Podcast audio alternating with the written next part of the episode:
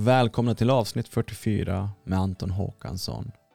I detta avsnitt öppnar sig Anton om sitt alkoholmissbruk som pågick under många år.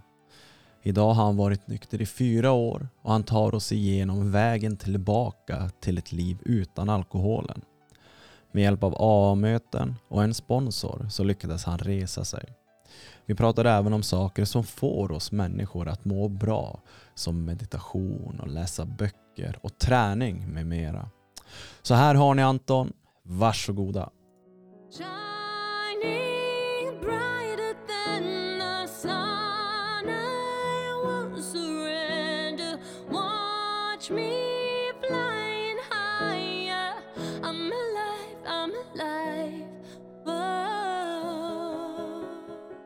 Ja men vad bra, då kör vi igång Anton. Eh, kul att du är här.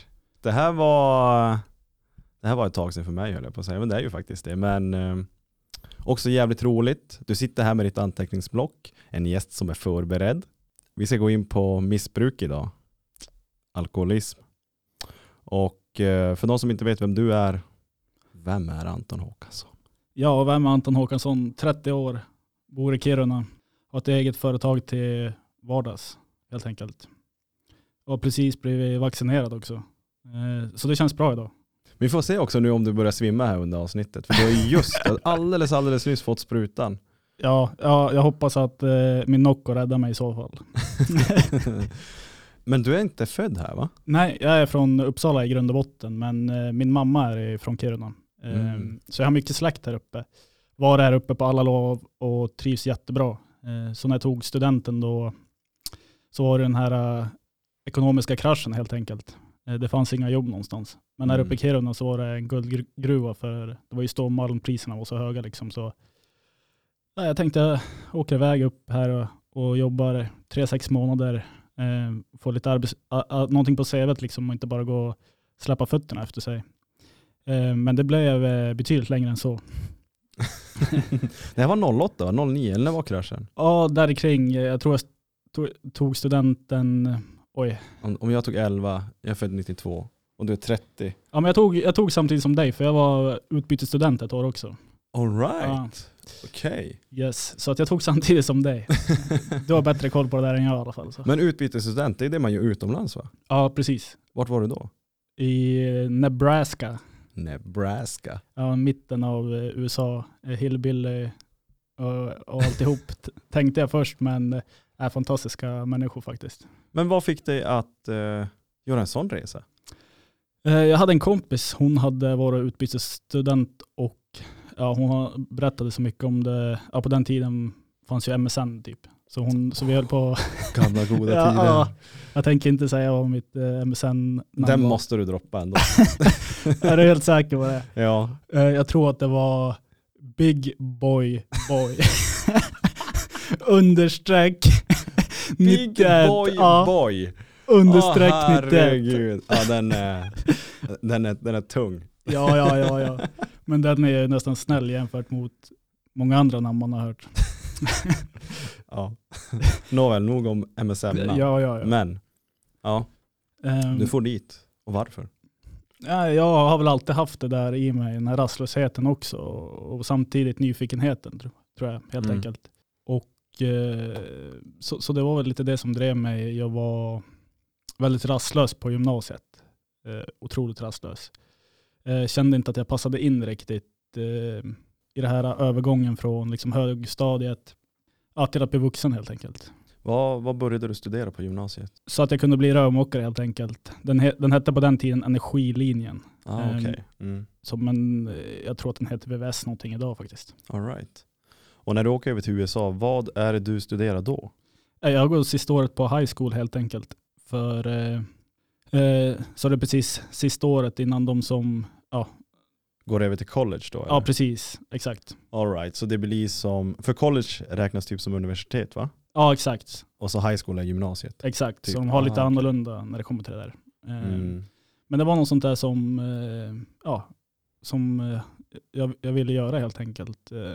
Och eh, morsan och farsan de hade alltid liksom så här sparat undan pengar sen jag var liten liksom. Och, och, och jag fick göra vad jag ville med dem helt enkelt. Mm. Ja, då tänkte jag att ja, men det där är liksom jävligt coolt. Och ja, så jag hade, hade jag egentligen inte hållit på så med så mycket brottning heller tidigare, men jag började med det där också.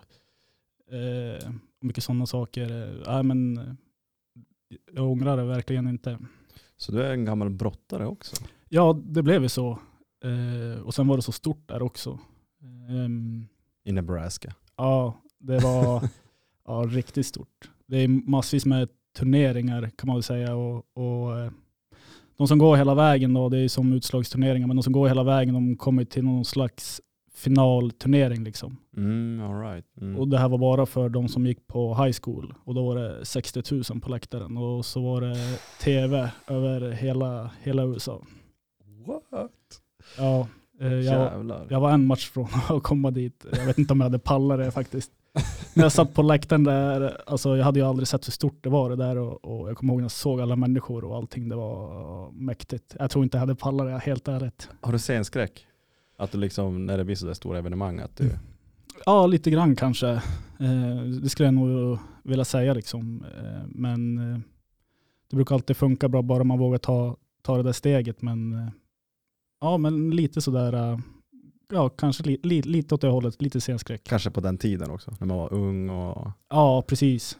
Eh, och sen var jag väl kanske inte riktigt beredd heller på eh, hur stort det var. Ja, nej precis. De andra killarna var ju bara sjukt taggade, men de hade ju sett det där hela livet, liksom, hur stort det är. Den vardag för dem.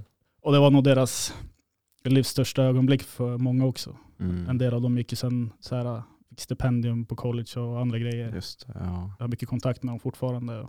Fan vad häftigt. Ja, det, det var riktigt tufft faktiskt. Så det blir som vänner för livet. Ja, ja, ja. Och så bodde jag hos en värdfamilj där då, Mm. som var toppen eh, och jättesnälla. Eh, de lät mig vara ute och festa och sådana saker. Liksom. Måste man inte vara 21 för att festa i USA? ja, precis. Jo, det stämmer bra. Men de kanske kände vakten Ja, lite så. på Jag, krogen. Eh, Jag fick alltid gå, gå in och köpa öl liksom, när vi skulle festa för jag visade mitt svenska pass. Mhm. Och personnumren är inte likadana som i USA. Så de fattade inte riktigt det där. De såg bara typ att det stod lite Sweden någonting och sen brydde de sig inte.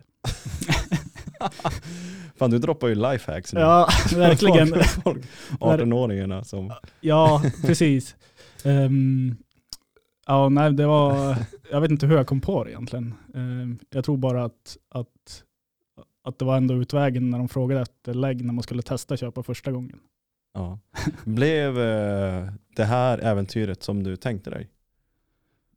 Liksom. Ehm, bättre tror jag. Mm. Ehm, det tror jag. Det var, eh, det var väldigt strukturerat. Eh, alltså, om man jämför eh, svenska skolan mot den amerikanska. Det var samma liksom, saker varenda dag. Liksom. Schemat såg exakt likadant ut. Jag fick Varje träna, dag? Ja, varenda dag. Mm. Och sen fick jag träna grymt mycket. Eh, så, så jag trivdes mycket bättre i, faktiskt, eh, på ett sätt trivs jag bättre i, i den amerikanska varianten av skolan. Mm. Det här med samma, samma saker och struktur. Fan vad häftigt. Mm. Mm. Fan vad häftigt. Men sen efter det då? Du kommer hem, ska gå klart gymnasium. Precis, så jag kommer hem då. Ehm, det var, jag hade ju börjat då i en ny klass eftersom de jag hade gått men de hade ju tagit studenter redan. Mm. Så det var ju som att starta om lite. Eh, jag trivdes inte innan och jag trivdes inte då heller egentligen på gymnasiet. Jag tror jag hade 50% frånvaro. Eh, sen läste jag upp allting eh, de sista två veckorna och fick godkänt i det mesta. det var, ehm, nej men jag, eh, jag vet inte, jag har väl alltid haft svårt att, att koncentrera mig helt enkelt. Mm. Har du ADHD? Ja, jag har fått det nu i vuxen ålder, eh, ADD. Eh, Okej. Mm. Ja, det heter väl ADHD men Utan det hyperaktiva. exakt. Mm. Ehm, och det visste jag inte då såklart, men, men ja, det har väl varit just det här att vara runt folk när man ska försöka göra någonting i klassrum och sånt och inte kunna få sitta och göra det i fred helt enkelt. Mm. Mm, precis. Eh, men du nämnde också här innan att eh, det här missbruket vi ska prata om, det började hända lite grann på gymnasietiden. Ja, precis. Ehm, det var väl väldigt många olika saker på gymnasietiden. Dels hade jag en pappa som eh, var sjuk i en ovanlig demenssjukdom då, eh, som jag tog hand om ganska mycket. Mm. Ehm, så det var också en tuff bit i det hela. Ehm, men, ehm, men det vart en eh, stor och tom eh, en, ensamhet upplever jag liksom när, jag, när jag började i gymnasiet. Det här med att man på något sätt skulle vara vuxen eller någonting Mm. övergå i, den, i det livet. Liksom. Ehm, och ja, få bra betyg, hitta jobb, eh, s- skaffa hus, villa. Fan vad jag känner igen mig när du Ja. berättar det där. Alltså just den här övergången till ett vuxet liv. Jag, alltså, uff, jag får nästan rysning när du berättar. Det är så jag, exakt så kände jag också. Ja, Och, och det är fan inte, det är inte lätt om du inte får rätt vägledning. nej, Och då kan det kännas ensamt. Och då kan det gå snett. Ja, vad som helst kan hända egentligen. oh ja. Eh, och jag ser många, många, ja, jag har ju väldigt många, väldigt stor släkt och, och väldigt varierad ålder och många av dem, en del av dem går ju på gymnasiet också och, och de är alla möjliga o, o, olika åldrar men jag ser också mycket, mycket stressen i dem, alltså när de går gymnasiet också. Det här med prestera och, och allt det här. Mm. Men och när du säger också att din pappa var sjuk, är det där också någonting som... eh, Jag menar hur mycket drack du på den här tiden? Ehm, det har ju alltid varit, eh, nästan alltid när jag har druckit sen man testade första gången, kanske i 13-årsåldern, eh, så har jag alltid haft det liksom, att jag inte kan sluta. Ehm, att jag inte kan ställa ifrån mig det. Liksom, eh, öppnar jag en öl och full i magen, till exempel, jag, jag, var, jag var tvungen att bara ha den då. Liksom. Mm. Det här begäret, eh, typ tvång nästan. Så, så det här kanske, kan man säga självskadebeteendet just med, med alkohol har funnits redan tidigt? Ja men det tycker jag. Det hände alltid saker när jag drack, liksom, eh, stora små saker. Eh, på något sätt kände, kändes det liksom som att man alltid gjorde bort sig. Och Mm. man, jag kunde aldrig förstå varför just jag liksom skulle göra det hela tiden. Alltså mina kompisar, de kunde ju till exempel, om vi drack så dagen efter så var ju de uppe med tuppen på något sätt Mm. Och, och levde sina liv, men jag var så jävla dålig dagen efter. Ehm, och eh, hade sån ångest också. Väldigt ångest och jag behövde inte dricka speciellt mycket heller för att känna den där ångesten. Mm. Men varför fortsatte du dricka? Ehm, det var nog mycket för eh, eh, just den här eh, ja, tom, tomhet, rastlöshetskänsla. Um, också eh, som jag sa tidigare när jag började gymnasiet så eh, där kring så fick jag mycket sämre självförtroende än vad jag haft innan på något sätt. eh, Mhm, och allt mhm. det här. Och, och, ehm, så, så det var nog må- många olika delar i det. Eh, var, varför man började dricka mer och mer hela tiden. Eh, för så var det för mig i alla fall, att det blev liksom som successivt ökningar hela tiden. Var det, var det ett flyktbeteende för dig eller var det att du ville ha kick hela tiden? Det var både och. Eh, jag, alltså för ibland så kunde jag sitta och vara rastlös liksom. Och, Mm. och det spelar ingen roll vilken dag det var. Liksom. Jag kunde bara känna, fan vad tråkigt livet är. Alltså det måste hända någonting hela tiden. Mm. Ibland kunde jag känna att jag hade ångest över någonting eller att, att eh, ja, det var någonting som störde mig liksom inombords. Som jag, var, jag kunde liksom inte känna känslan utan jag var bara tvungen att trycka på någon knapp och stänga av den. Men du klarade gymnasiet i alla fall. Ja, men mycket om och men. Jobbiga två sista veckor där du får läsa upp allting. Ja, precis. Eh, men det gick med det och sen eh, tror jag att jag, jag fick helt enkelt skärma lärarna lite och liksom försöka Mm. vis, visa att ja. Ja, den funkar ju på vissa lärare. ja. ja, det beror på vilken lärare man har tror jag. Men Så är det. ja. ehm, så att ehm, För sen efter gymnasiet då? När du har klarat allt det här, har du någon plan? Eller ska du bara ut och leva livet? Ja, alltså jag, kä- jag kände väl någon slags så här, tilltro till, eh, till livet tror jag ändå att ja men fan nu är gymnasietiden över allt det här att, att, eh, att, jag, som att det var liksom en dipp i, i, i, den ekono, i ekonomin att i, i södra Sverige fanns det inga jobb någonstans. Mm. Jag kommer ihåg mina kompisar, de fick tag i och bli typ så här, ja, men ta emot jackor på krogar och sånt. Och det var typ sådana jobb som fanns bara. Men eh, jag tror väl att jag hade någon, någon form av eh, eh, framtidstro ändå eh, efter gymnasiet, direkt, direkt efter gymnasiet. Mm. Eh, och då var det ju lite, eh, en lite geografisk flykt kan man väl säga också med tanke på min sjuka pappa där som, eh, ja, jag kände helt enkelt eh, att jag inte kunde koncentrera mig på mig själv på något sätt. Mm. Eh, Att jag hela tiden var tvungen att se hur han hade det och mådde och, och, det där liksom. Eh, Så då var det väl en, ja, kanske en lite, liten geografisk flykt på det sättet. Det var, för det var då du kom upp hit till Kiruna va? Ja, precis. Det var, det var direkt efter gymnasiet? Ja, exakt. Mm. Ehm, så att, eh, Jag menar, kände du mycket folk här då? ja, inte sådär jätte, jättemycket folk. Eh, det gjorde jag inte. Eh, men min plan var väl hela tiden att, att eh, jag bara skulle stanna ett tag då. Mm. just då. Liksom. Ehm, Så, så det var väl lite det som var liksom att, ja, att jag kunde acceptera det. Att för i mitt huvud så skulle jag inte stanna så länge. Utan då levde jag kanske lite mer här och nu på något sätt. Eh, För, för då jobbar du, hu- hur mycket drack du när du jobbade då? För då måste du vara nykter. Ja, precis. Och det är också så här, um, jag har ju varit mycket att det, att det ska vara mycket på, på helger och så har det va- va- varit väldigt länge också. Att Fredag, det, lördag. Ja, precis. Mm.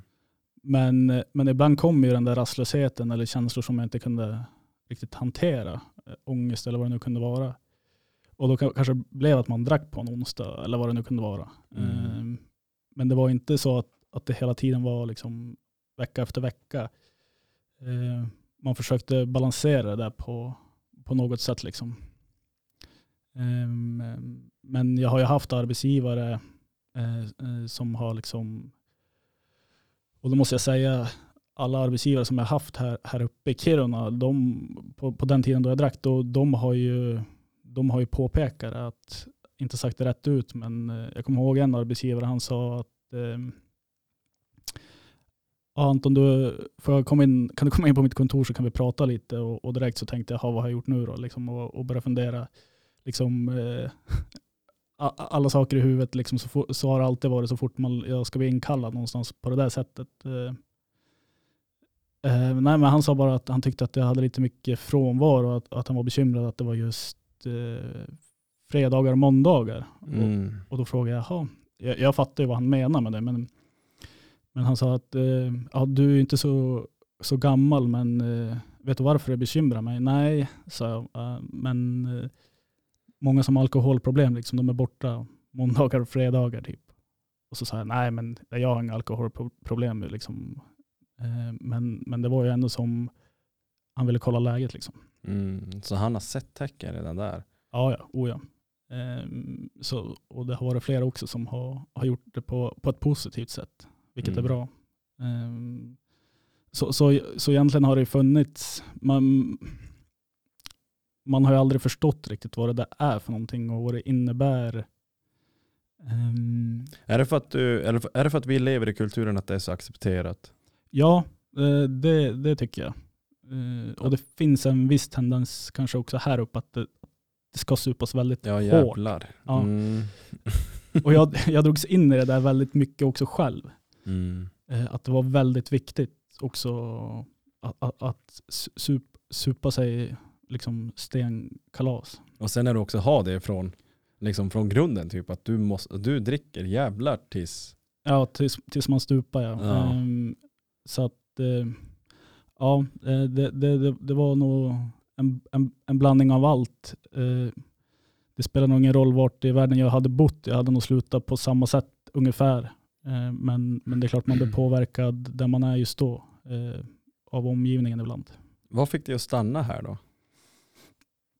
Eh, ja, dels så hade jag väl liksom byggt upp ett liv, Mm. fått en lägenhet, alltså få en lägenhet i Uppsala, typ centrala Uppsala, lycka till. Mm. Eh, och jag hade bra jobb, så här, bra lön. Och, så, så det var väl, var väl mycket det som, eh, som gjorde att, att, att jag var kvar här. Um, så att, uh, och det var ju,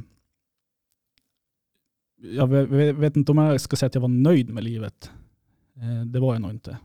Um, Men du hade en stabilitet på något sätt. Du hade det här, du hade lönen, du kunde betala dina räkningar och du hade lägenhet. Ja men precis, eh, så som eh, jag hade fått bilden framför mig hur ett liv skulle vara. Liksom. Ett Mm. framgångs, framgångsrikt liv. Att man har lyckats i livet, då har man det här, eh, ja, all, all, all, hela paketet. Lägenhet, tryggt jobb, Mm. med i a-kassan, allt det. Jo, åh herregud. Ja. Eh, men umgänget då tänkte jag också på. eh, var, var du mest själv och drack på helgerna? Eller var ni ute och, och festade? För jag menar om du är sjuk på en fredag då är det inte så jävla snyggt om du drar ut på krogen på helgen. Nej, och, och, och så där gjorde jag massvis med gånger. Att, att, att det hände ibland som sagt att jag kanske stannade hemma en fredag. Jag var ändå Mm. ute på krogen. Ja, ja, du sket i. Oh ja, oh ja. Eh, jag, jag behövde allt det här. eh, Kickar och flyktbeteendet och allt det här. Det, det höll inte mig tillbaka. Mm. Hur länge tog det innan du skulle börja inse att det här är, det här är fan inte bra? Ja, väldigt många olika anledningar tror jag. Eh, en del relationer som tog skada eh, och jag hamnade i eh, ja, mycket proble- problem helt enkelt. Mm, vad kunde det vara för, för problem? Eh, ja men till exempel om jag hade varit ute på krogen, vaknat upp i fyllecell, eh, alltså sådana saker hela tiden. Ehm, Du känns ju fan inte som, du känns ju inte som en stökig typ. nej, och, Du var bara så jävla knall eller? eh, ja, och eh, aggressiv. Ehm, Mhm, Mm. jag förtjänade att åka in i fyllecell. Eh, jag förtjänade att, att bli behandlad på ett brysst sätt av poliserna också, vilket jag inte tyckte då. Ehm, men jag var, jag var i mycket slagsmål och, och sådana saker. Jag, jag sökte mig nästan till till likasinnade på det sättet. Eh, idag inser jag att man, man, man får ju det man utstrålar och man får det man förtjänar. Eh, och, och, och då just då så sökte jag mig sig till sådana människor också. Så, som du säger så, så vart det mer och mer att man ville ha likasinnade människor helt enkelt. Mm. Och det båda aldrig gott egentligen. För jag menar om du, om du har ett, eh, ett problem med ditt drickande och dina vänner och de du hänger med runt omkring dig också har ett drickande. Ja, good luck att ta dig ur liksom. För ni är som i samma skit hela jävla bunten. Ex, exakt, och, och det är ett väldigt stort problem. Ehm, och, och det var ju som, när, när jag kom fram till att, att jag inte kunde dricka något längre, då var ju det det första jag var tvungen att klippa med. Det var ju alla gamla kompisar. Mm. Var det svårt? Både ja och nej. Um, I början trodde jag att, att, att uh, ja men det, det är klart, jag, jag, jag såg framför mig, liksom, jag hade känslan av att jag skulle bli väldigt ensam och inte ha några kompisar och allt det här. Det var så, så man såg det. Um, men jag behövde inte göra så mycket egentligen. Det enda jag gjorde var att inte svara när de kanske smsade och ringde. Alltså sådana kompisar som, som jag bara hade festat med. Mm. Eh, Så de försvann självmant sen. Eh, Och sen när man förklarade att nej, men jag har lagt ner det där också, då hörde jag aldrig ifrån dem. Eh, Så, så såklart har man ju kvar gamla kompisar som man hade för att de var kompisar. Men inte sådana som man bara hade för att festa ihop. Mm, nej, precis. Och hur många år pratar vi om nu? Liksom, eh, hur länge tog det innan du kom till det stadiet? Hur gammal var du då? 26, 26, fyra år sedan. exakt. Eh, Så att det var väldigt många år fram tills dess då, med, med allt det här. Ja, det, det är just det med alkoholen också är så accepterat att eh, det tar länge för många att liksom komma till den där brytpunkten. Men det är också intressant nu när du säger att eh, du insåg att du var tvungen att klippa. Vad är det som händer när du inser? Liksom, vad, vad har du gjort? Har du, har du åkt fast? Det är ju det som var mitt wake-up call. Jag åkte fast för, för att jag var tvungen att då insåg jag att det är fan dags att sluta med de här jävla drogerna. Ja, då, då var jag faktiskt tillbaka i Uppsala. Eh, Eller, alltså att jag hade ju insett det så själv egentligen väldigt länge. Jag hade ju sett alltså, att jag var inte som andra när det kom till alkohol. Att, så att jag tror ändå att jag, eh, alltid har förstått, eh, alltså innerst inne, eh, men förnekat för andra. Mm. Men ehm, det, var, det var väl inte så här att ah, nu ska jag sluta med alkoholen, utan jag, eh, jag hade flyttat ner till Uppsala helt enkelt. Och, Så då, då har du lämnat Kiruna igen och så bara dragit ner? Ja, jag hade hunnit bo i, i Piteå i några år också. Okej, ja. Ehm, och kanske var det också en geografisk flykt. Ehm, jag vet inte, jag ångrar inte att jag bodde där. Det var Nej. väldigt trevligt eh, och jag trivs jättebra där och är där nu mycket. Men det, det är väl klart också att det blir någon geografisk flykt för att man blir ju väldigt så här, paranoid nästan. Mm. Som att alla människor, typ om jag gick på ICA här i stan en, en söndag när jag var bakfull och, och kände att jag hade gjort bort mig någonting så kändes det som att alla människor runt omkring mig visste det. Hela Kiruna visste det. Mm. Hela Kiruna visste hur, hur, hur jag mådde, liksom, alltså vilken värdelös person jag var för att jag kände så mig själv. Mm.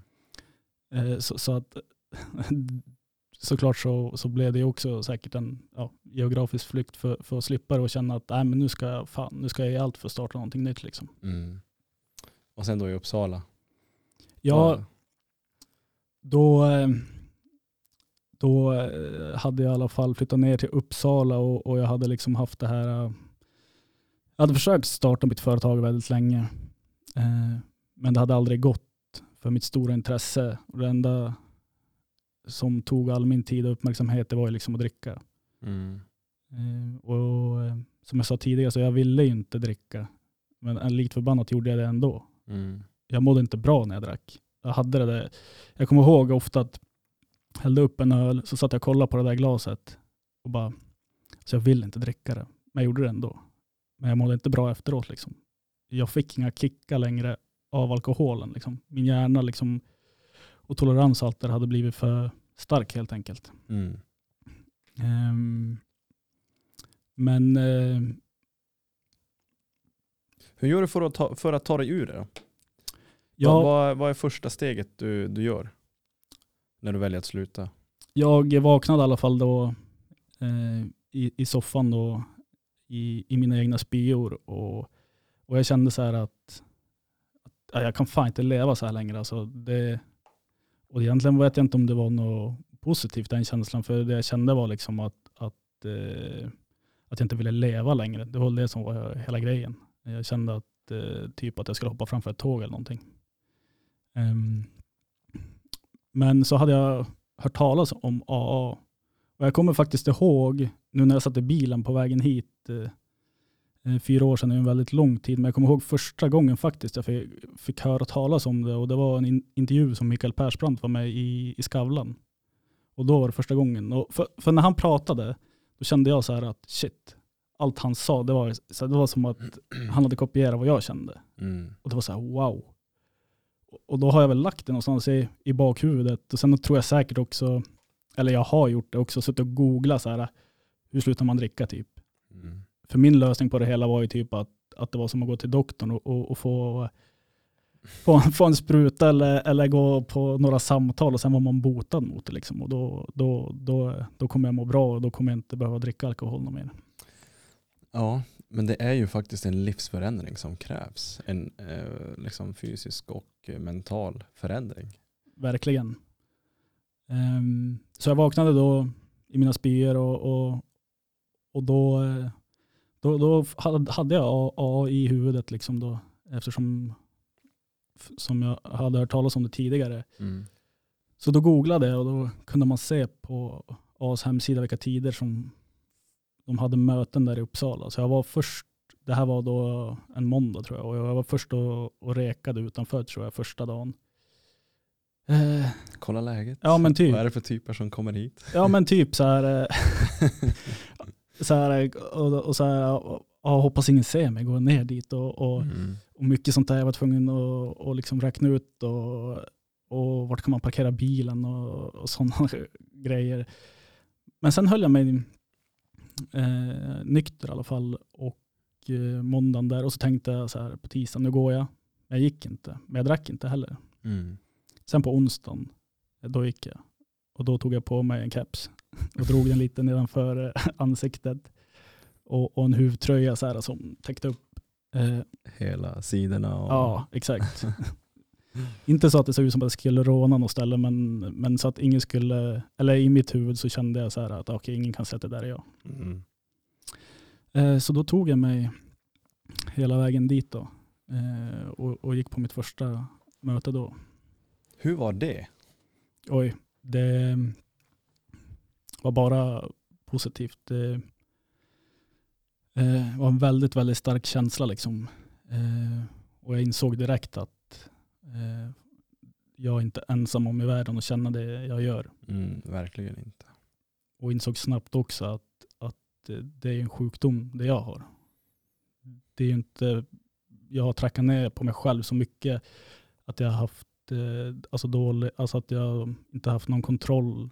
Jag har liksom inte kunnat sluta själv. Alltså det var det här, det var något fel på mig, att jag hade dålig självdisciplin och, och jag slog ner på mig själv hela tiden på det där, kommer jag ihåg också. Eh, men nu insåg jag att, att det var inte det det var fel på, utan att jag hade en sjukdom helt enkelt. Mm. Eller, det är väl en sjukdom som aldrig försvinner va? För det är väl, det är väl ett beteende man har? Oh ja, Eh, Men, men du lär dig tygla det? Om jag har förstått det rätt. oh ja. Eh, Eller det är väl så jag vill tolka det kanske. Och ja, det stämmer helt, helt eh, att, att det är så. Eh, men om jag hoppar snabbt bara till var- vart jag är idag så, så ång- ångrar jag det inte en dag. Liksom. Det, är, det, är inte speciellt, det är inte jobbigt att, att vara nykter för mig, utan snarare tvärtom, det är en glädje. Mm, precis, för, du, för det är det också när jag säger att man behöver livsförändring. Till, till, sist, till slut så hittar du ju den här, alltså livet är ju så mycket mer än bara de här kickarna. Alltså Oh livet ja. är ju bättre av naturliga känslor. Oh ja, Liksom gå och träna eller träffa, gå på dejter eller vara med familjen, gå ut i skogen. Det är ju naturliga känslor. Och livet är ju så mycket bättre när vi lär oss att, att det är livet, inte drogen. oh ja. Och, och att älska också. Eh, Mm. bara, då älskade jag, först och främst älskade jag mig själv mest. Mm. Jag kom alltid först eh, i mitt huvud. Eh, oavsett vad jag, om jag utstrålade någonting annat, vilket jag inte jag tror att jag gjorde. Men, men kärleken till mig själv var ju egentligen, det var ju kärleken till alkoholen det handlade om. Att jag var tvungen att, att sätta det i första hand hela tiden. Mm. Det, så jävla bra att du säger att det viktigaste är att, för det börjar alltid från dig själv. Vad du än ska göra i livet, du måste älska dig själv. Och, och var inte rädd att älska dig själv. Och var inte rädd att liksom eh, prata som om du älskar dig själv. Jag menar, det är där allting börjar. Inifrån och ut. Så, så är det med allting. Och, och liksom, ju tidigare folk inser det, desto bättre och snabbare kommer ditt liv.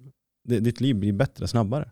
Oh ja, Börja älska dig själv. Se till att hitta vägar som gör att du mår bra. Fokusera bara på dig själv. Fokusera inte på vad folk lägger ut på Instagram att du måste jämföra dig med dem. Fokusera inte på hur snabbt folk eh, springer milen när de tränar eller bilar.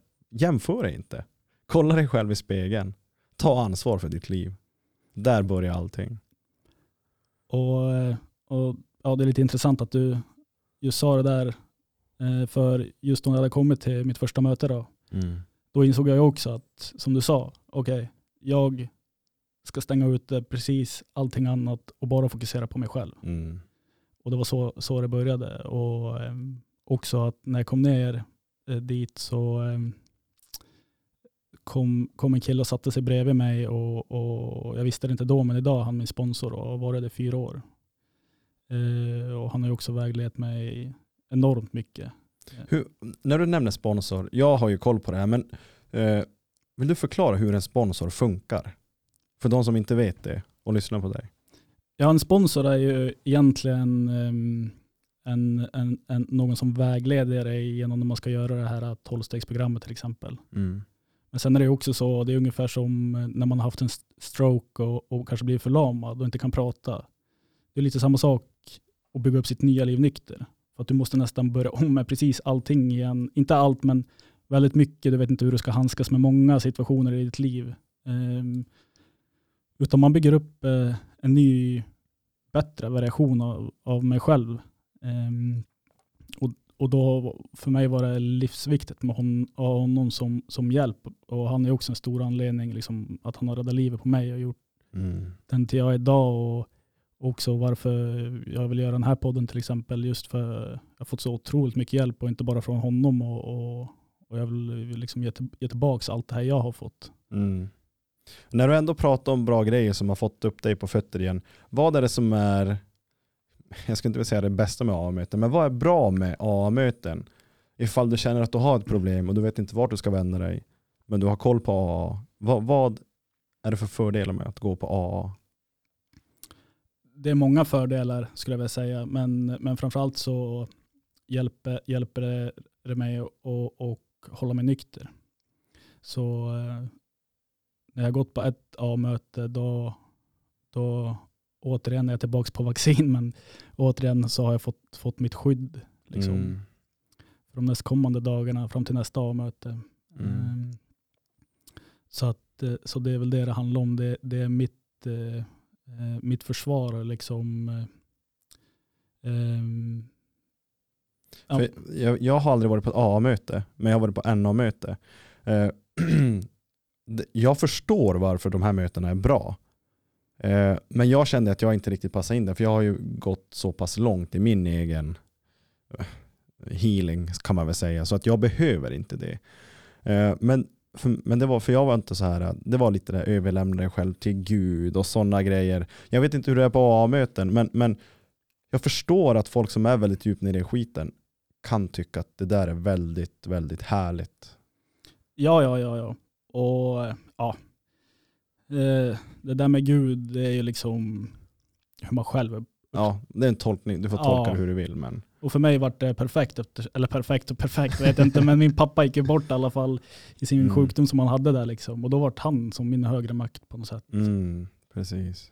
För, eh, för mig också att ha en högre makt vara livsviktigt just för jag själv klarar inte av att bara säga idag nu ska jag vara nykter resten av mitt liv. Mm. Det är inte så jag kan leva mitt liv utan jag kan leva mitt liv 24 timmar i taget och, och, och när jag vaknar det första jag tänker är så här idag ska jag vara nykter. Mm.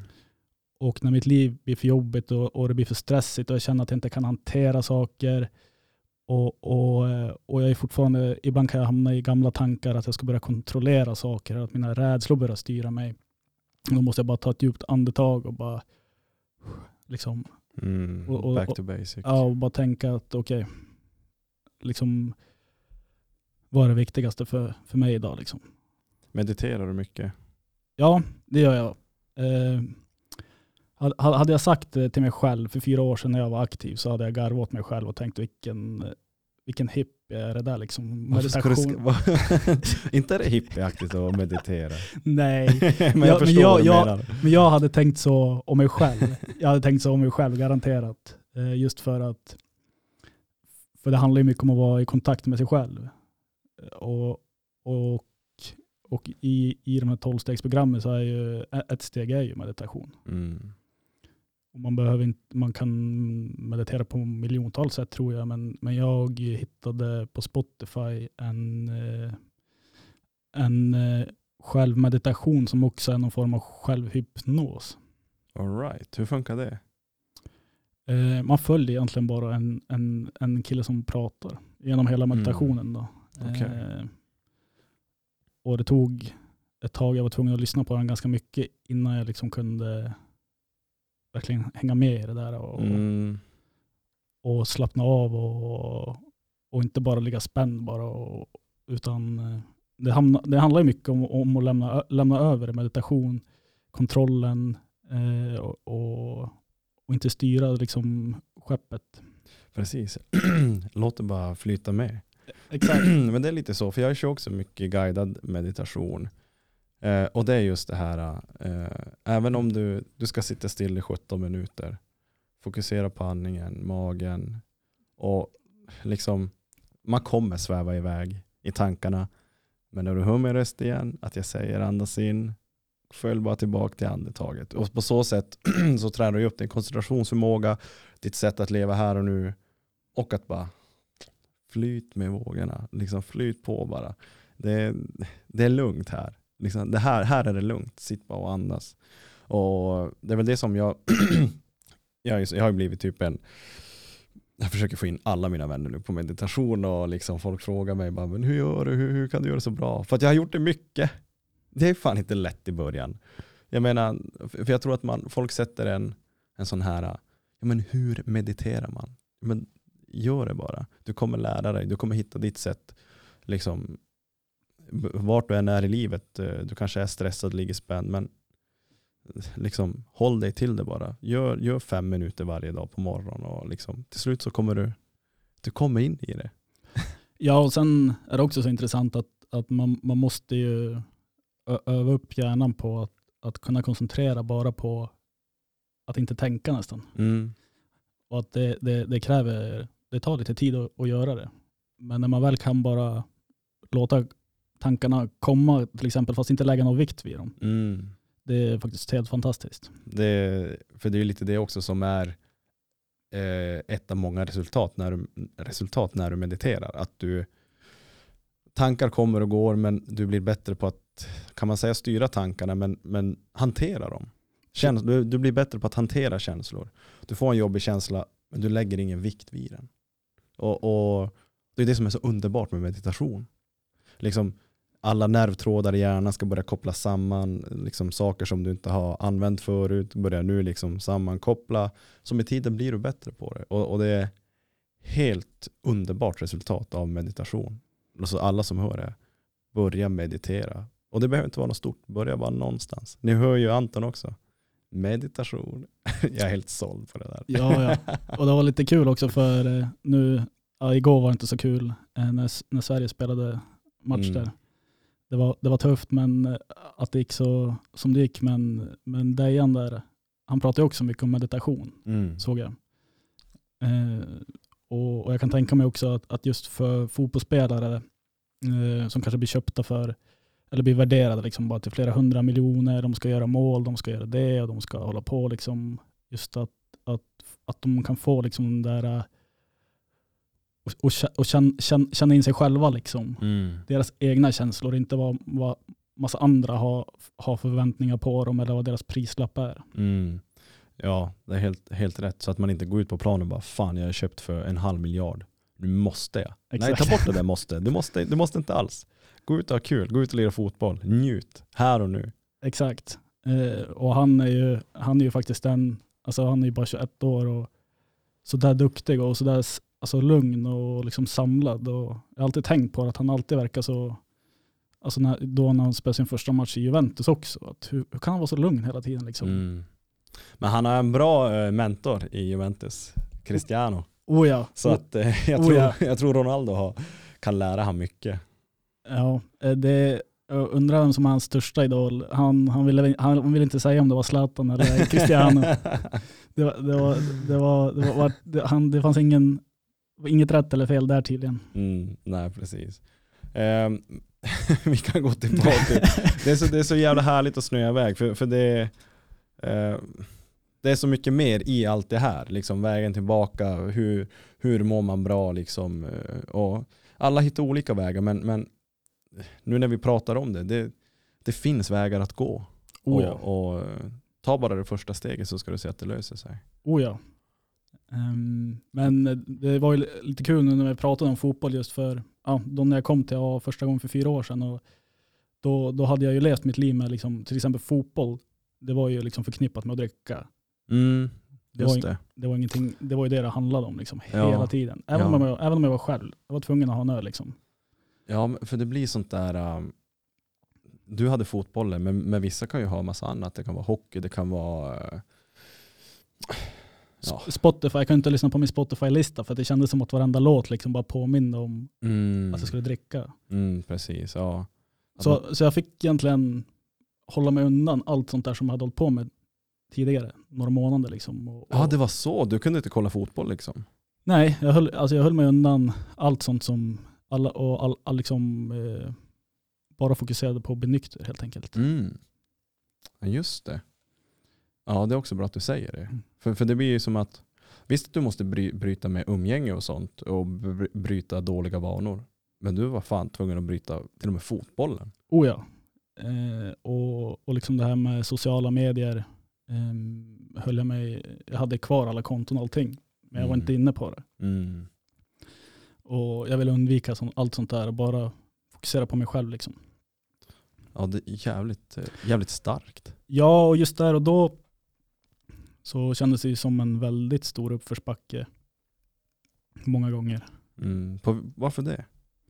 Nej men liksom, eh, ska sluta leva mitt liv? Typ lite så kände jag. Ska jag bara sitta, liksom så här, ska jag vara isolerad från världen hela livet? Då Mm. visste jag ju inte att jag kommer få tillbaks, liksom jag kommer kunna göra allting igen, men jag kommer kunna njuta av det tio gånger mer. Mm. Men då insåg jag inte det. Mm. Det är också intressant. För när man gör de här grejerna, liksom, ja men ska jag ge upp mitt liv? Och det är också en, en grej med att leva här och nu. Vad är viktigast för dig? Jo, att bli nykter. Och hålla dig nykter. Vad måste du göra för att hålla dig nykter? Du måste bort med de här grejerna. Lägg ingen vikt vid det nu.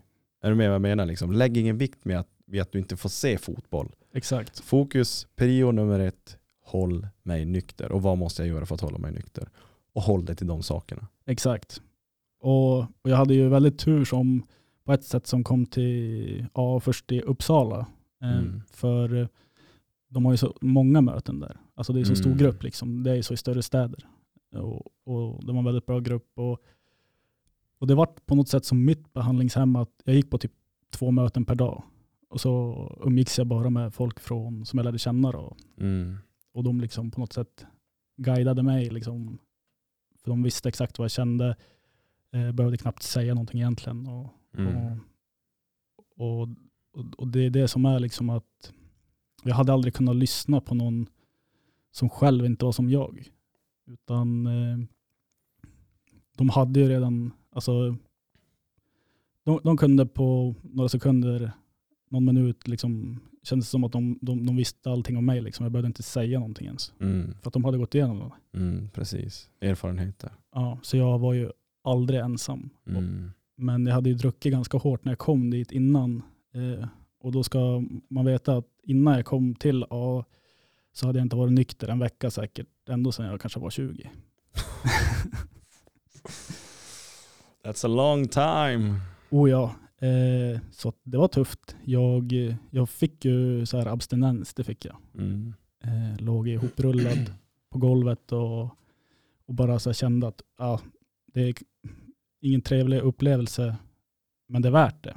Mm. Jag, hade, jag hade alltid någon jag kunde vända mig till. Alltid någonstans att gå. Så jag var egentligen aldrig ensam. Det var bara att, att liksom tro på det jag gör. Liksom för att jag får höra andras historier. Och tro på det många, det många, det, det många säger att just att det blir bättre. Det blir bättre. Att tro på det. Mm. Att få in den tanken. Eh, Eftersom det är vanligt att många människor, och framförallt jag, jag ville ju, jag ville ju hela tiden kontrollera mitt liv. Mm. Jag kunde inte släppa taget. Jag skulle ha full kontroll på allting. Mm. Jag var världsmästare, liksom, jag hade stort ego och allt det här. Ehm, så att liksom släppa den kontrollen och bara, okej, här ligger jag typ i fosterställning. Ja, det kommer bli bättre. Abstinens och allt det här.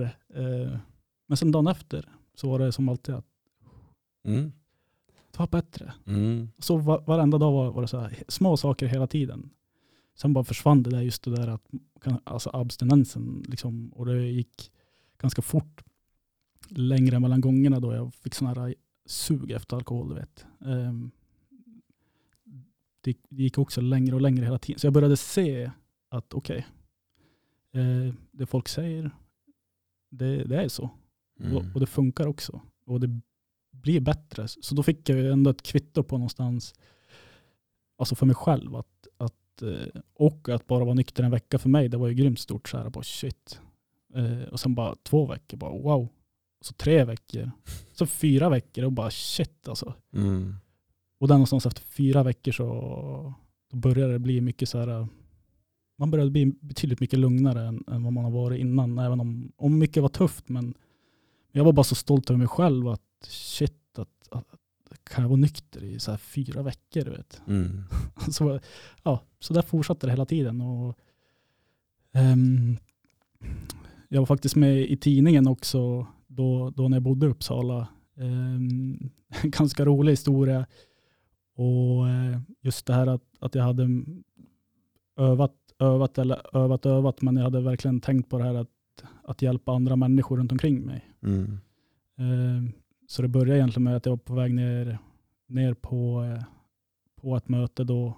Jag skulle gå på bussen och framför mig var det en yngre kille som inte fick åka buss. Han skulle betala med eh, biljetten då, men han hade inga pengar på kortet. Och busschauffören var ganska arg mot honom och typ, ja, var inte så schysst och bad han gav bussen. Så sa jag bara till busschauffören att ja, men jag betalar hans liksom, biljett. Mm.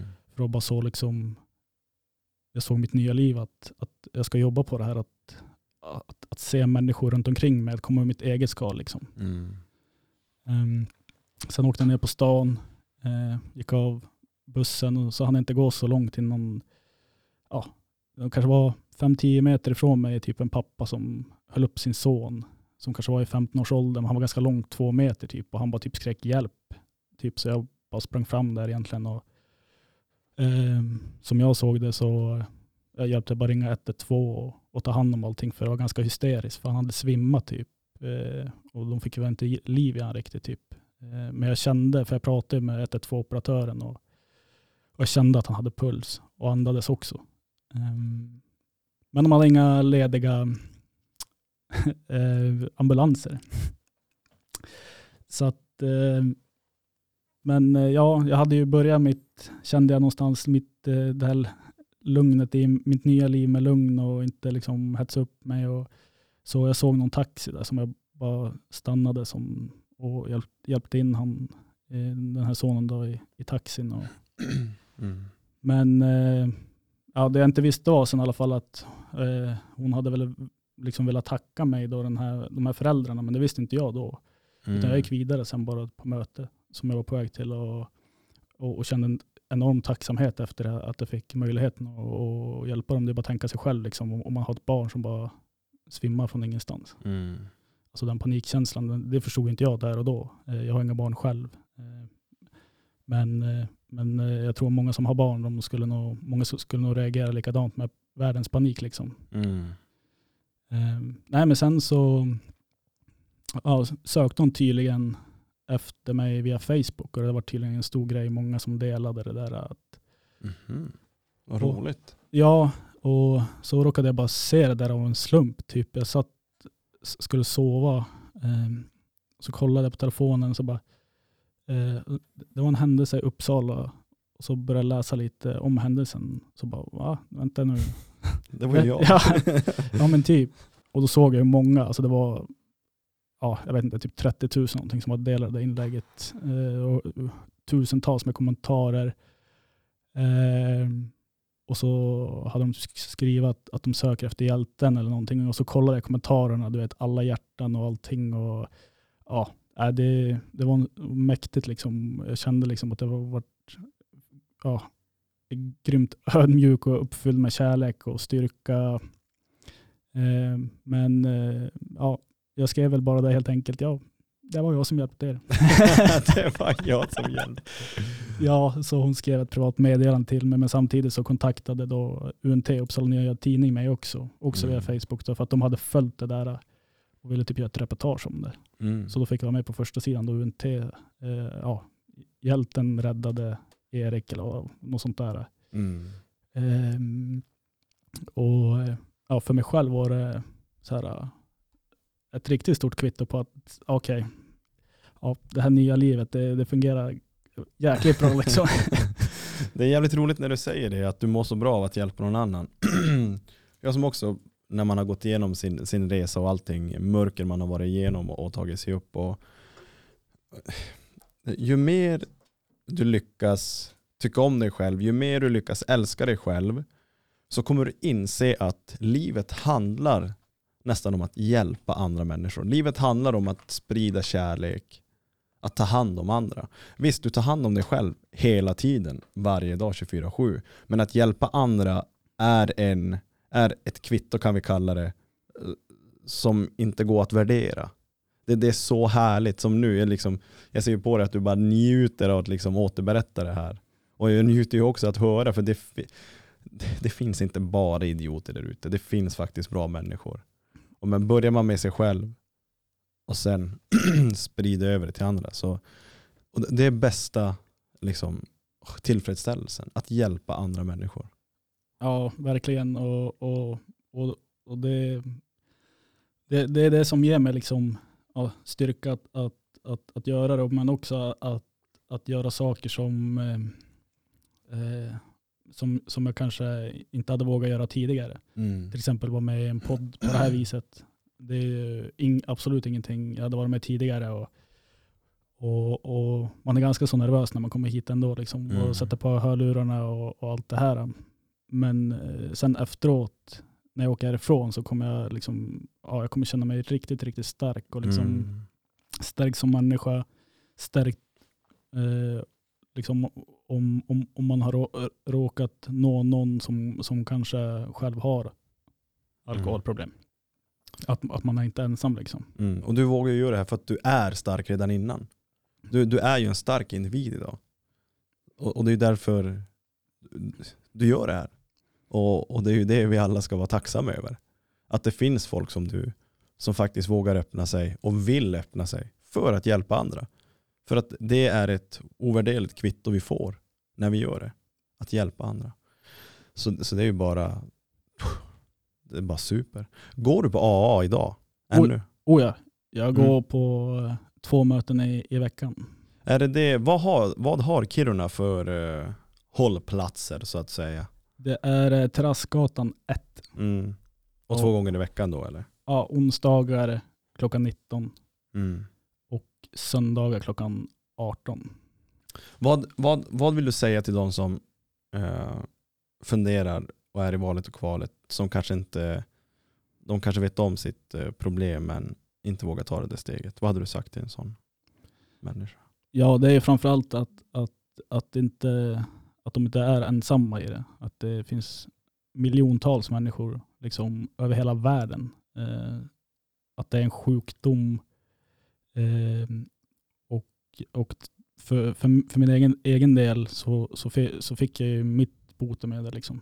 Det är det som har funkat eh, för mig och, och gör fortfarande det. Eh, det har liksom jag har ett sånt liv idag att, att när jag tänker på det, liksom, eh, kanske när jag går på möten eller när jag sitter här och pratar om det, att det, att det känns overkligt på många sätt. Liksom. Mm. Det, att inte ha det där tvånget som jag pratade om tidigare. Att inte ha det kvar utan, utan eh, kunna göra bra saker istället. Mm. Men vad gör du idag Anton? Liksom, du har, nu har du gått igenom den här resan, du har tagit dig ur det. Men när du säger nykter alkoholist, du dricker ingenting idag? Ingenting, Nada. nada. Eh, Men vad gör du idag? För nu har du ditt företag. Liksom, hur, hur har det gått för dig? Ja, jag, jag, jag var ju alltid inne på, jag har alltid varit inne på att, att jag har velat starta eget företag. Eh, och när jag var aktiv så var det mycket så här, min, min dröm då var ju, när jag menar aktiv var då, medan jag drack liksom. Mm. Eh, och då, då var ju mitt mål, det var ju att jag, jag skulle ha mycket pengar då.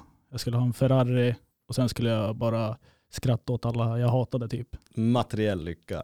Och jag, Och visa finger ut ur sin Ferrari. det, det, det, var, det var min högsta dröm. Det var, så, det, var, det, det var så jag såg det. Jag skulle ha mycket pengar och det skulle vara liksom så här, ja, jag skulle få allas respekt. Mm. Eh, men eh, det där förändrades ju väldigt mycket efter, eh, framförallt det är ju efter jag, jag gått på AA och gjort 12 stegen och, och då, då liksom kände jag att, att jag vill göra någonting som hjälper andra Mm. eh, och ha en mening i det. Eh, för liksom om man tänker pengar, eh, det går alltid upp och ner ju. Ibland har man lite pengar, ibland kanske man inte har någonting. För mig är det vä- väldigt svårt, eller jag skulle inte kunna ha det liksom som ett mål. Pengar. Nej, det, Mm. Eh, det, det, jag tycker inte att, att det är fel att tjäna pengar. Pengar är inte någonting dåligt.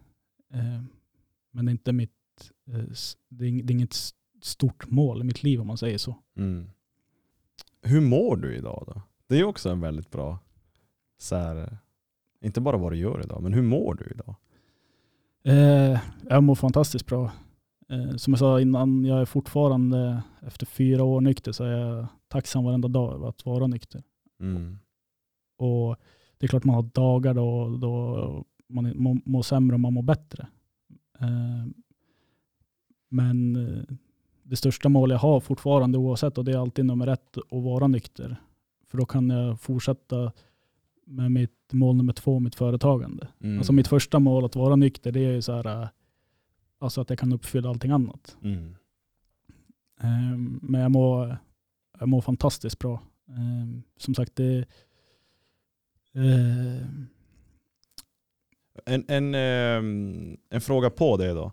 Vad gör du för att fortsätta må så bra? Förutom att hålla dig nykter. eh, det är ju, vi har ju pratat om meditation redan. Mm. Och, eh, Tränar sen- du? Ja, Mm. Och jag tränade kanske lite för hårt i början. Det var, det var ett bra faktiskt, ett bra hjälpmedel i början när jag skulle bli nykter liksom, och behålla min nykterhet. Men det var kanske för mycket så jag skadade mig ganska kraftigt ryggen och axeln. Mm. Så nu, nu tränar jag eh, mer än normalt. Eh, men det är klart att eh, oavsett vad jag gör ibland så kommer den här prestationsmänniskan in i bilden. Eh, och det är väl alltid den jag måste hålla i schack på något sätt. Vad gör du för att hålla den i schack?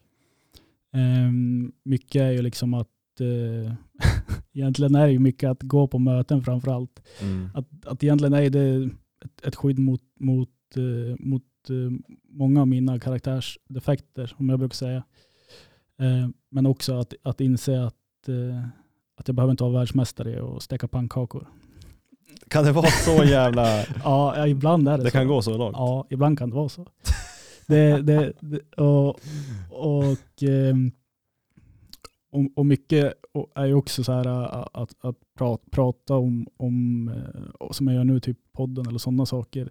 Mycket för mig handlar nog om idag att, att jag behöver prata väldigt mycket, oavsett Mm. med många personer i min närhet. De jag litar på, eh, framförallt, eh, de pratar jag ju dagligen med. Liksom. Eh, så att jag behöver prata om det väldigt mycket. Eh, och när det kommer till, kanske till träning och prestation kommer in, då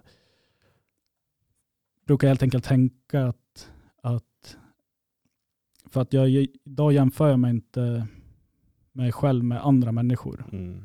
som jag gjorde tidigare, utan, utan det är med, med mig själv. Då, men det kan ju vara, det kan ju bli för mycket av det också. Liksom. Ehm, men jag tränar ju för att må bra. Det är Mm. det jag gör. Liksom. Mm.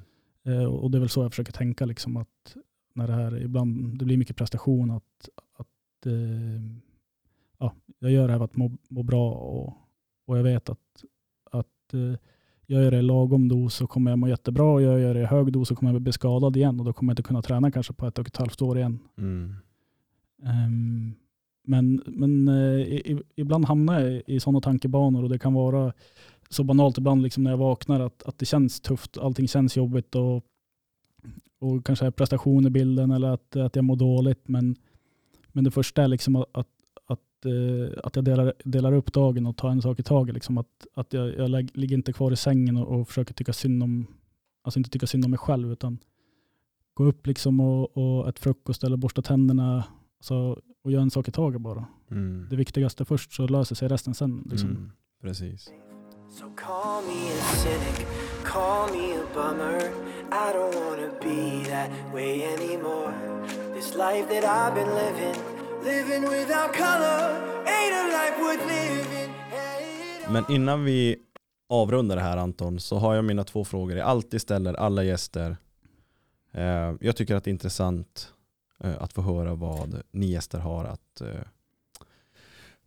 bring up to the table om man får kalla det så. Men första frågan är om du får sätta din prägel på livet. Tips och tricks till oss där ute som lyssnar på dig. Vad vi borde ta med oss, vad vi borde tänka på. Men din prägel på det hela. Vad vill du säga åt oss då? Eh, men det är väl framför allt, och det låter väl kanske väldigt klyschigt, men att, att göra det man själv vill. Mm. Eh, För att eh, när jag pratar med olika människor så upplever jag att, att många, de hade kanske velat göra någonting annat. Eller de har, vissa har väldigt bra idéer Mm. och, och så när de berättar så säger jag liksom, ja men gör det, du borde satsa och kör, kör på det där liksom. Men tvivla på sig själva istället. Mm. Eh, eller, Eller har ursäkter ja på precis. att jag kan inte göra det för att bla bla bla, för att bla bla bla. Ja, ehm, och det är synd för, eh, eh, och det är framförallt det jag har lärt mig också, att oavsett om, om jag gör något större eller mindre livs, livsförändringar i mitt liv, som, ja, men som lite när jag kom till AA, liksom, jag sa inte till någon de första månaderna, sex månaderna, då berättade jag bara för min innersta krets liksom, att jag Mm. hade börjat gå på AA. Utan jag ville, bara, jag ville först liksom få en stabil nykterhet innan jag liksom kunde öppna upp mig mer och, och, och för, för andra om det. Eh, så oavsett vad jag gör, om det är med mitt företag eller eh, någonting annat så, eh, så, så liksom eh, jag gör det själv först och innan jag börjar liksom berätta mina idéer för massa andra. Eh, Mm. För det är så många som har olika åsikter om liksom vad som är bra och dåligt. Och, och det kan vara ens närmaste också som, som eh, omedvetet nästan eh, ja, blir oroliga över olika livs, livsförändringar man ska göra. Liksom, hur ska du klara dig? Och hur ska du göra det? Och hur ska det och det och det? Och får man sådana tankar i, huvudet eh, och inte ens har kommit igång med, med en ny idé eller vad det nu kan vara, så då är det liksom kört. Då Mm. tar man aldrig, aldrig det, det steget och fullföljer. Jag tror att många i just det här ämnet eh, har eh, ja, ganska ofta föräldrar som kanske är överbeskyddande eller på något sätt arga för att nu ska du bara släppa allt och riskera allt för ditt liv, för det du vill göra. Och så säger de, men hallå, som, precis som du säger, men ja, hur har du tänkt med pengarna? Ja, ska du ha något jobb? Vart ska du bo? Dittan dattan. Hallå, hallå, hallå. Du måste ju ha hus och lån och bil och fru och barn. Det är då livet är komplett. Sorry. Så är det inte. Alltså, jag tror bara att många, liksom, när man väljer att ja, men, ah, jag gjorde aldrig det där. För mina föräldrar sa åt mig att jag hade ingen koll. Typ. Ja, det blir ju lite att, att andra människor de proje- projicerar sin egen rädsla. Liksom. Precis. På oss. Ja, Och då är det jävligt svårt. Om man kanske är lite vilsen, man kanske är på en sökarresa. Liksom man, ja, men jag vet inte vad jag vill, men jag vill testa någonting nytt. Och då är det lätt att, då lyssnar man istället på det, på det där enkla livet. För att det är ju enkelt liv. Och det är kanske tufft och svårt och, och, och läskigt att riskera lite, liksom, framtiden eller liksom det man har här och nu för ett liv man hade velat ha. Det är läskigt. Men tänk hur jävla värt det det kan vara i slutändan. Så att det är ju också, på något sätt så tycker jag man ska träna på att lyssna till din inre röst, till din inre röst. Lyssna inte på brorsan, syrran eller sina föräldrar eller närmsta vännerna. Kör ditt jävla race. och, jag, och det, det, man mår inte bra liksom, när man inte får göra det man själv vill heller. Man Mm. kommer, man kommer liksom aldrig och, och, och eller så kände jag i alla fall att, att med, med mycket som, som eh, alltså innan, innan, innan jag började liksom göra saker att, det gick, alltså jag hade det i huvudet hela tiden, massvis med olika saker och, och, och eh, det, det, det, det, det tar nog mer, det tär mer på en att, att in, inte göra det nästan på något sätt. Att inte, inte ge, ge det en chans. Jag brukar googla för skojs skull. eh, vad eh, gamlingar har sagt på dödsbädden. We go deep. Och det, det, det vanligaste svaret eh, är just att jag ångrar att jag inte gjorde den och den grejen tidigare. Jag ångrar, att, jag ångrar att jag inte gjorde det tidigare. Liksom att det, och, och samtidigt då, lev ditt liv. Gör det du, det du vill göra. Kör bara. Det, det är liksom de, de två grejerna. Gör din grej, kör. Nu, nu, vänta inte, kör. Och den andra, jag ångrar att jag, att jag inte gjorde det tidigare. Det är ju ganska bra facit. Ja, ja, ja. Och, och det, det, det är liksom sådär jag känner hela tiden, alltså efter jag blev nykter, då kände jag verkligen att okej, jag har blivit nykter och, och och liksom har blivit, ja, jag har blivit en ny människa, min egen, jag hade en förebild som hur jag ville bli som människa och på något sätt så eh, säger jag inte att jag är bäst i världen eller något sånt, men för min egen skull så eh, ha- har jag på något sätt delvis uppfyllt något mål och när jag gjorde det så kände jag i alla fall att, att ja, det finns inga begränsningar för vad Mm. jag vill göra. Exakt. Och det är så vi uppnår personlig frihet också. Oh ja, När vi vågar göra det vi vill göra. exakt. Så eh, fan kör på. nu kanske jag tog över lite frågan där.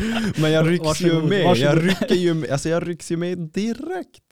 Ah. Men det, men det ja. Så det är din, dina tips och tricks. Helt, jag håller helt klart med. Ja, ja. ja och, och, och det behöver inte vara stora mål heller. Det kan ju bara börja träna till exempel. Mm. För så var jag också tidigare med träning. Liksom. Ah, Okej, eh, jag ska träna sju gånger i veckan eh, och så här, ja, gjorde upp världens schema, eh, hade timer med hur vi, lång, länge jag vilar mellan sätten, dittan och dattan. Istället för att, okej, hur många träningar hinner jag med Mm. idag i mitt liv? Okej, jag hinner med, kanske bara hinner tre träningspass, men tre är bättre än noll. Mm. För direkt om jag börjar liksom sätta så höga mål med att jag ska träna sju gånger i veckan fast jag vet att jag inte har tid och inte kommer göra det, då sviker jag mig själv. Mm. Och då börjar jag må dåligt över mig själv istället. Precis. Och då blir det en ond spiral. mm. Istället för att då gå och träna tre gånger i veckan och må jättebra över sig själv. Mm. Exakt. Min sista fråga Anton. Om fem år, den, den här frågan är väldigt svår att svara på. Eh, men, eller gäster har visat sig ha svårt att svara på den. Eh, men om fem år, drömmar och planer. Jag vet att du är en kille som lever här och nu. Men om fem år, vart är du då i livet? Och här får du drömma. Du får säga Ferrari igen om du vill. Du får säga Malibu Beach House. Men Ja. om fem år, vart är du då i livet? Ehm, ja, alltså jag eh, har ju alltid så här, eh, haft svårt i perioder med mörkret. Och det spelar ingen roll om jag bor i Kiruna eller Uppsala. Det har alltid varit liksom den här mörka, mörka, mörka perioden. Käkar du D-vitamin? Oh ja, oh du ja. gör det? Det är check, ja ja. Bra, för jag ska visa dig. Jag har, förlåt att jag avbryter dig. Eh, de har så här, jag vet inte, jag tror de är olagliga i Sverige. Eller olagliga, men de finns inte att köpa här i alla fall. Rekommenderat dagligt intag är ju 20 mikrogram. Men i Portugal säljer de tabletter med 100 mikrogram. Oj jäklar. Jag ska visa dig den sen, jag har den Det där uppe. en jäkla, Men fortsätt. kommer aldrig ha problem med mörkret igen. Men fortsätt. Ja, mörkret. Ja, ja men, det, men det är ju som du säger, det är ju en brist på, alltså det kan ju vara Mm. eh, såklart en del i att, att man har brist på D-vitamin men, men just, just eftersom jag har det där så, så jag har väl någon form av en dröm att, att jag vill just bo utomlands någonstans. Mm. Ehm, vid en strand. Eh, och det behöver inte vara så varmt men det ska inte vara sådana här eh, mörka perioder liksom. Mm. Jag vill kunna ha att det är liksom rätt så soligt året om. Så det är väl min högsta dröm. Eh, Men om du ändå har den här drömmen eller planen, vilket land har du funderat på? Oj, det är så otroligt många olika länder egentligen. Eh, Jag har varit en del i Lissabon. Eh, Min syster hon... Jag kommer just därifrån. Alltså, Jag har varit hemma tre dagar. är det sant? ja, ser ut att jag är brun? Jo, vad fan, jag tänkte att du har varit lite i Kiruna-solen. Ja, ja. Eller så, att, eller så var det D-vitaminen helt enkelt. ja, nej jag har varit, från april till nu så har jag varit två svängar i Lissabon. Eh, med sex veckor totalt. Åh jäklar.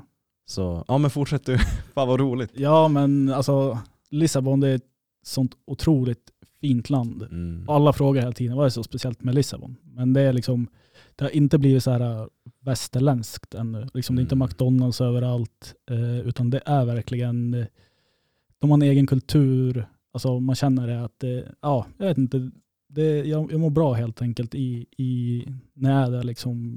Eh, Var du ute så här till Cascais och Sintra och, ja, eller var Vi- du bara i Lissabon? Vi var mest i Lissabon. och sen åkte vi ja. runt och kollade på lite olika ställen och sånt. Men, och såklart låg vi i stranden. Eh, men eh, Carcavellos Ja, och ja. eh, det, alltså, Costa Caparica.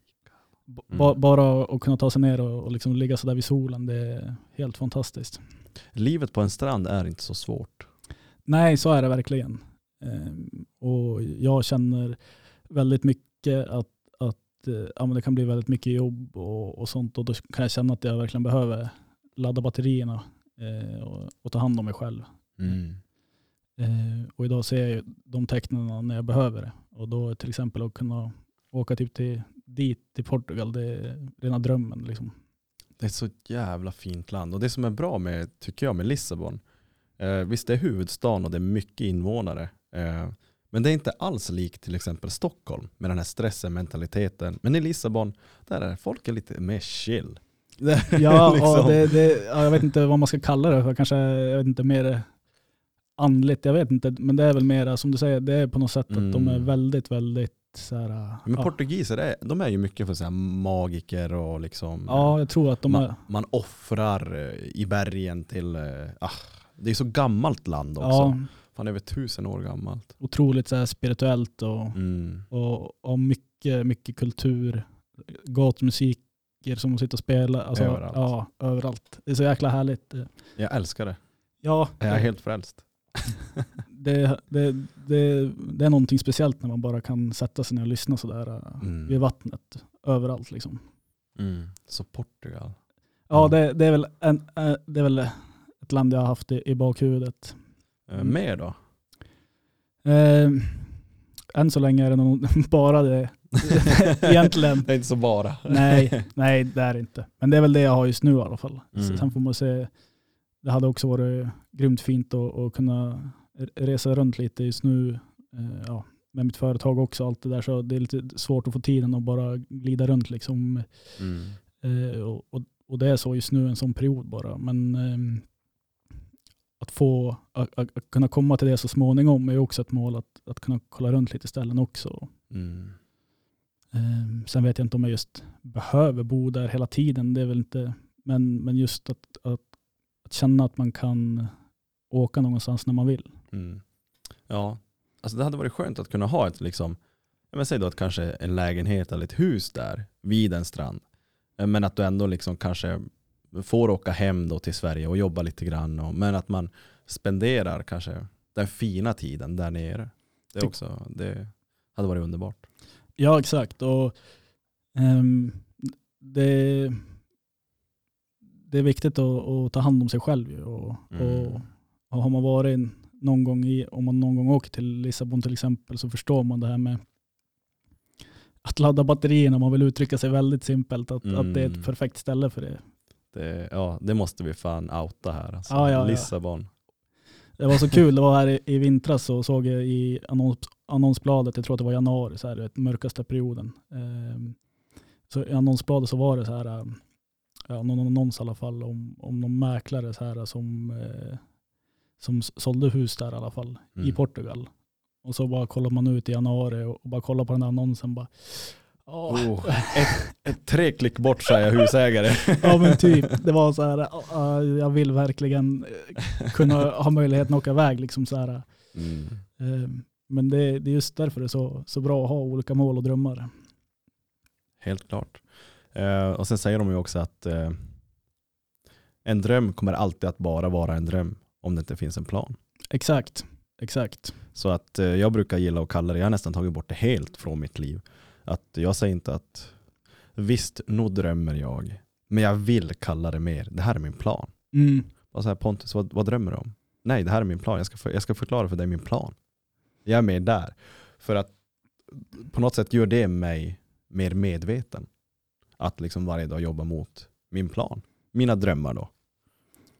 Och ja, jag läser ju väldigt mycket också och, jag läste just någonstans om det där att, att eh, eh, om man har ett mål liksom eh, och, och kanske skriver upp det på väggen eller någonstans där man ser det hela tiden.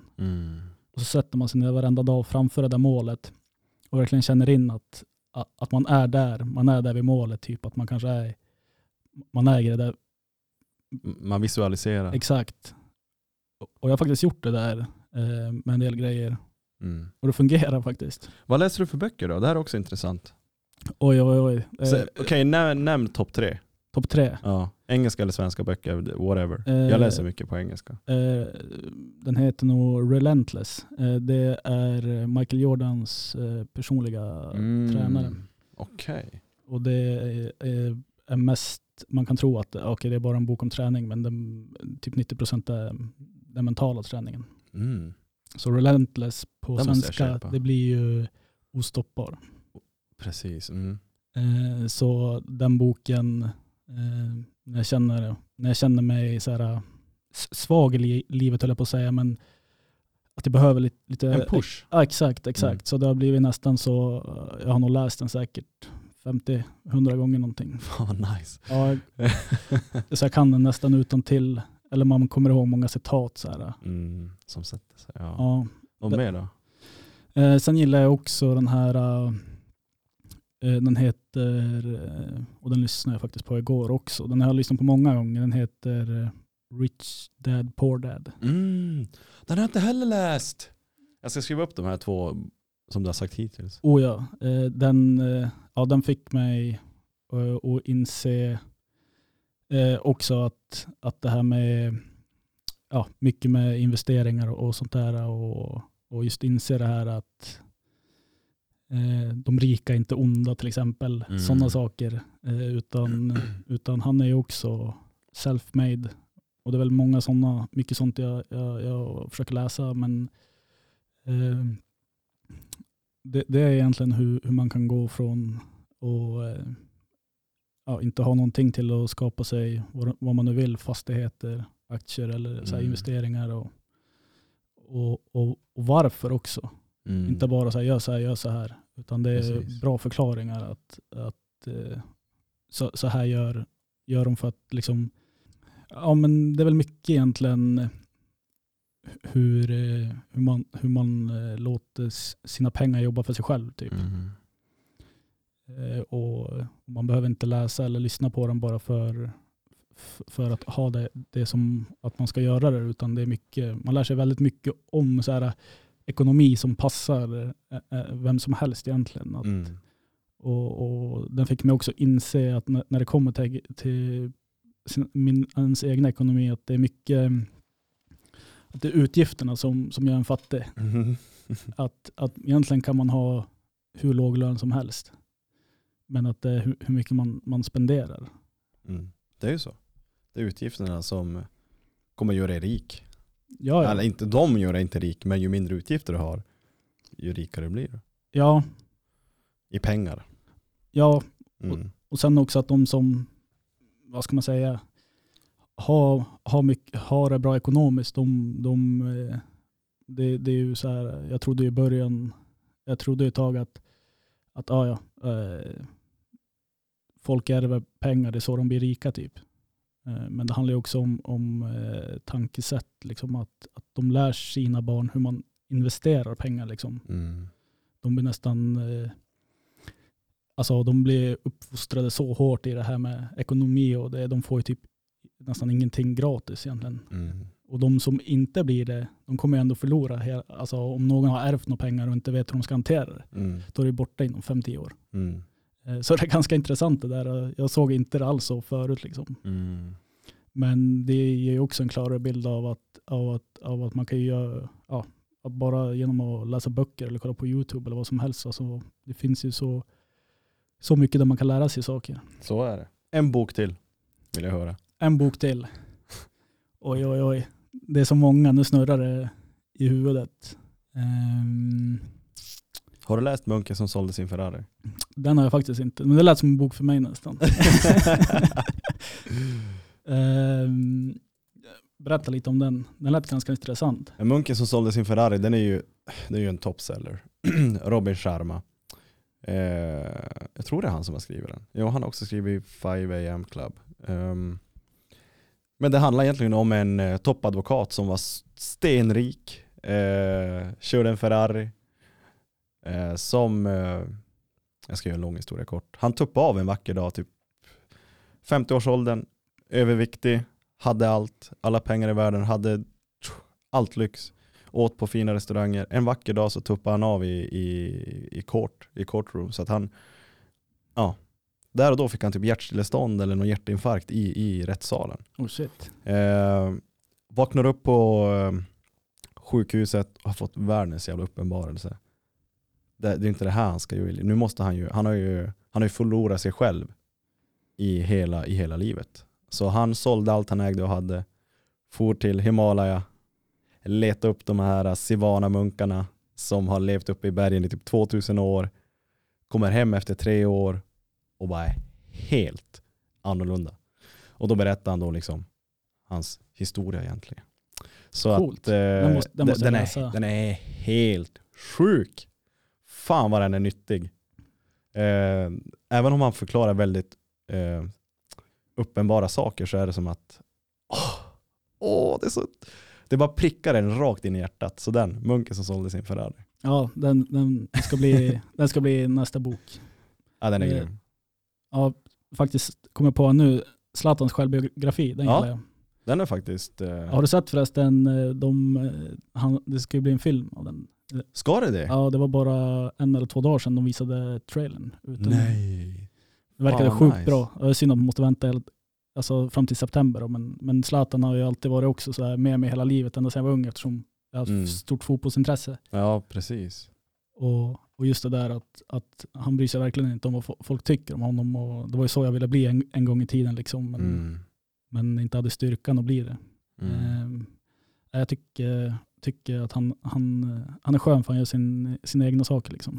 Det som jag tycker är ganska intressant med just Zlatan, för han är ju ändå, han är ju ändå bland de bästa i världen, tjänar bland de bästa, bland de bästa i världen. Men han har liksom sin Helena ännu, de har sina barn. Man ser aldrig en skvallerblaska om Zlatan. Du kan se typ om Beckham, ja, otrohetsrykten och liksom, eller nu har Tyson, han har blivit fattig igen och du vet, alltså det är så här, många rika och framgångsrika människor fuckar upp det på ett eller annat sätt med Zlatan. Han bara kör. Han är med sin fru, han har sin familj, han bara går ut och lirar boll och tjänar en jävla massa pengar. Och är jävligt, alltså liksom kaxig men ändå ödmjuk tycker jag. Så han, han är sig själv bara. Ja, och, och det skönaste är ju att, att hans fru, det var ju hon som var rik när de träffades. Han hade Ja. inte en krona. Precis. men, eh, men som du säger också, så, så klart är det någonting också jag har tänkt på. Liksom, och, och, och man, idag är väl en, alltså, man glömmer bort det när man, när man är barn, då har man ju så många olika förebilder i, i massvis med saker. Mm. Alltså, men när man blir vuxen, då, då är det som löjligt. Liksom. Mm. Men hemma, alltså i mitt kontor, där har jag bilder med bland annat Zlatan eh, och några andra. Ehm, och, och så har jag klippt ihop det och har på, på väggen. Liksom. Mm. Fan vad härligt. Ja, eh, så eh, att eh, det, det är otroligt viktigt med förebilder, i alla fall för mig. Liksom. Eh, Mm. och som du sa där, att han är mer äkta på något sätt. Liksom. Ja. Äkta vara. Ja, eh, Genuint äkta. Det, det finns ingen, de skriver inte någonting åt han, om han för att det finns inget att skriva. Exakt. Eh, och, och det är också viktigt med förebilder eller Mm. vad man lär sig, i alla fall för mig, att jag kan läsa nya böcker och så vidare. och så vidare. Men jag behöver inte alltid tycka att en bok är bra för det. Eh, Mm. Varenda bok jag läser är inte så att oj, den här människan det ska bli en förebild för mig, utan jag är väldigt noggrann med vilka jag har som förebilder. Mm, ja exakt. Och jag tänker också att just nu läser jag en ganska seg bok. Men, men jag, jag hittar alltid någonting i varje bok. Som är, visst det här ämnet kanske är inte så jäkla intressant. Men jag tar alltid med mig någonting att fan det här är ju så, det är så sant. Liksom. Eh, nu minns jag fan inte vad den heter. Typ. Eh, jag kan visa dig där uppe. Det är, no, det är i alla fall det är forskning om hjärnan. Hur vi blir som människor. Är den då- på engelska? den är faktiskt på svenska. Okej. Av Gio Boaler heter han. Men jag kan visa dig åt den där uppe. Och sen tänkte jag på en till bok när vi ändå pratar böcker. Och jag ser att du, du gillar böcker, jag med, jag älskar Ja, ja, böcker. Jag är helt såld i det också. Har du läst Atomic Habits? Ja.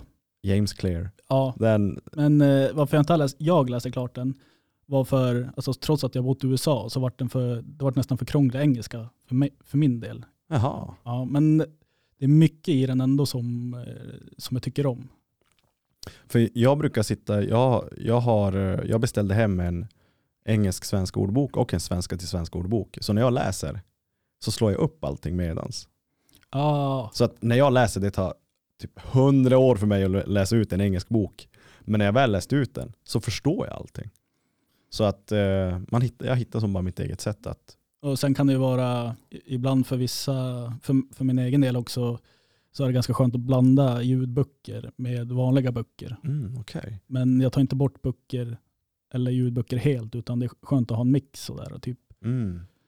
eh, för det, ibland kan det bara vara skönt att typ, ja, men vila huvudet lite bara och Mm. ligga och lyssna. Liksom. Ja, det blir precis. också lite som meditation. Eh, men eh, böcker är så otroligt kul om man har ett öppet sinne. Liksom. Mm. Och, och som du säger så man kan ju sortera ut precis det man vill Ja. läsa i princip, det man vill, det man vill lära sig. Mm. Så att, eh, nej, fan vad roligt. Det är också ett tips jag hade velat säga till alla. Läs böcker. Eh, och, liksom, och det är också en grej av, eh, typ av alla framgångsrika människor, typ Bill Gates och Warren Buffett. De får ju ofta frågan, men hur blir du framgångsrik? På allas topp tre, alltså precis 99%, nästan 100% av allas framgångsrika så säger de, läs böcker. Exakt. Så jag menar, det, det, och när man själv läser mycket, du blir en annan person. Eller du, du får ett annat tankesätt. Och, och, och ett helt annat perspektiv på typ människor, hela världen, på dig själv, på, all, på allting. Så att det är så nyttigt. Oh ja. Eh, och, eh, men också, alltså det finns så många böcker som, som är så bra, liksom, eh, man lär sig bra saker så, så, så jag försöker också liksom att om jag, om jag hittar bra saker alltså i en bok som känner att ja, men det här hade jag liksom, eh, ja, velat testa och liksom förbättra hos mig själv, då brukar jag alltid skriva ner det som på du vet, första sidan på, på boken. Liksom, att, att Mm. jag skriver ner saker. Så, mm, ja, nästan som en recension av boken fast det är som stödpunkter. Att ah, det där var en bra tanke, det där var en bra idé. Typ. Mm. Ja, jag antecknar mycket när jag, när jag läser. Just bara för att det här var fan bra. Oh ja. Så, Eh, så det är också en sån där grej. Eh, fan vad roligt Ja, Anton. riktigt kul. Ja, eh, jag är väldigt tacksam att du ville sitta ner och prata med mig idag. Ett viktigt ämne som vi tar upp och, och jag är glad att du vågar öppna dig och, och eh, låt, låter lyssnarna ta del av din historia. Ja, jag är grymt tacksam över att, att jag fick eh, komma hit idag och, och eh, jättekul och, och få vara med på en podd för första gången och jag hoppas verkligen att, att, eh, att man nått ut till någon. Liksom. Eh, en grej också innan jag glömmer det. Eh, folk som kanske vill höra av sig till dig och fråga dig mer, som hör dig. Sociala medier, använder du det nu idag? Ja, jajamensan. Det går Instagram, vad heter du på Instagram? Instagram använder jag inte så mycket faktiskt. Men eh, Facebook använder jag. Mm. LinkedIn använder jag. Ja, så att det går att hitta mig där. Anton Håkansson. Precis.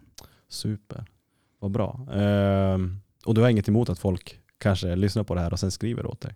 Absolut inte. Ja, vad bra. Så att jag inte bara sitter här Nej, nej, nej. Utan, eh, kastar ut det. nej, nej. Det, det har hänt förut. Liksom. Mm. Någonting jag är van vid. Ja. Och liksom gjort så att det, det är helt okej. Superbra. Ja, då vill jag bara tacka en sista gång och hoppas att det går bra för dig i livet. Kul att lära känna dig på det här sättet. Detsamma, Så, detsamma. så eh, jag, är, jag, är, jag är lyckligt lottad som, som får göra det här.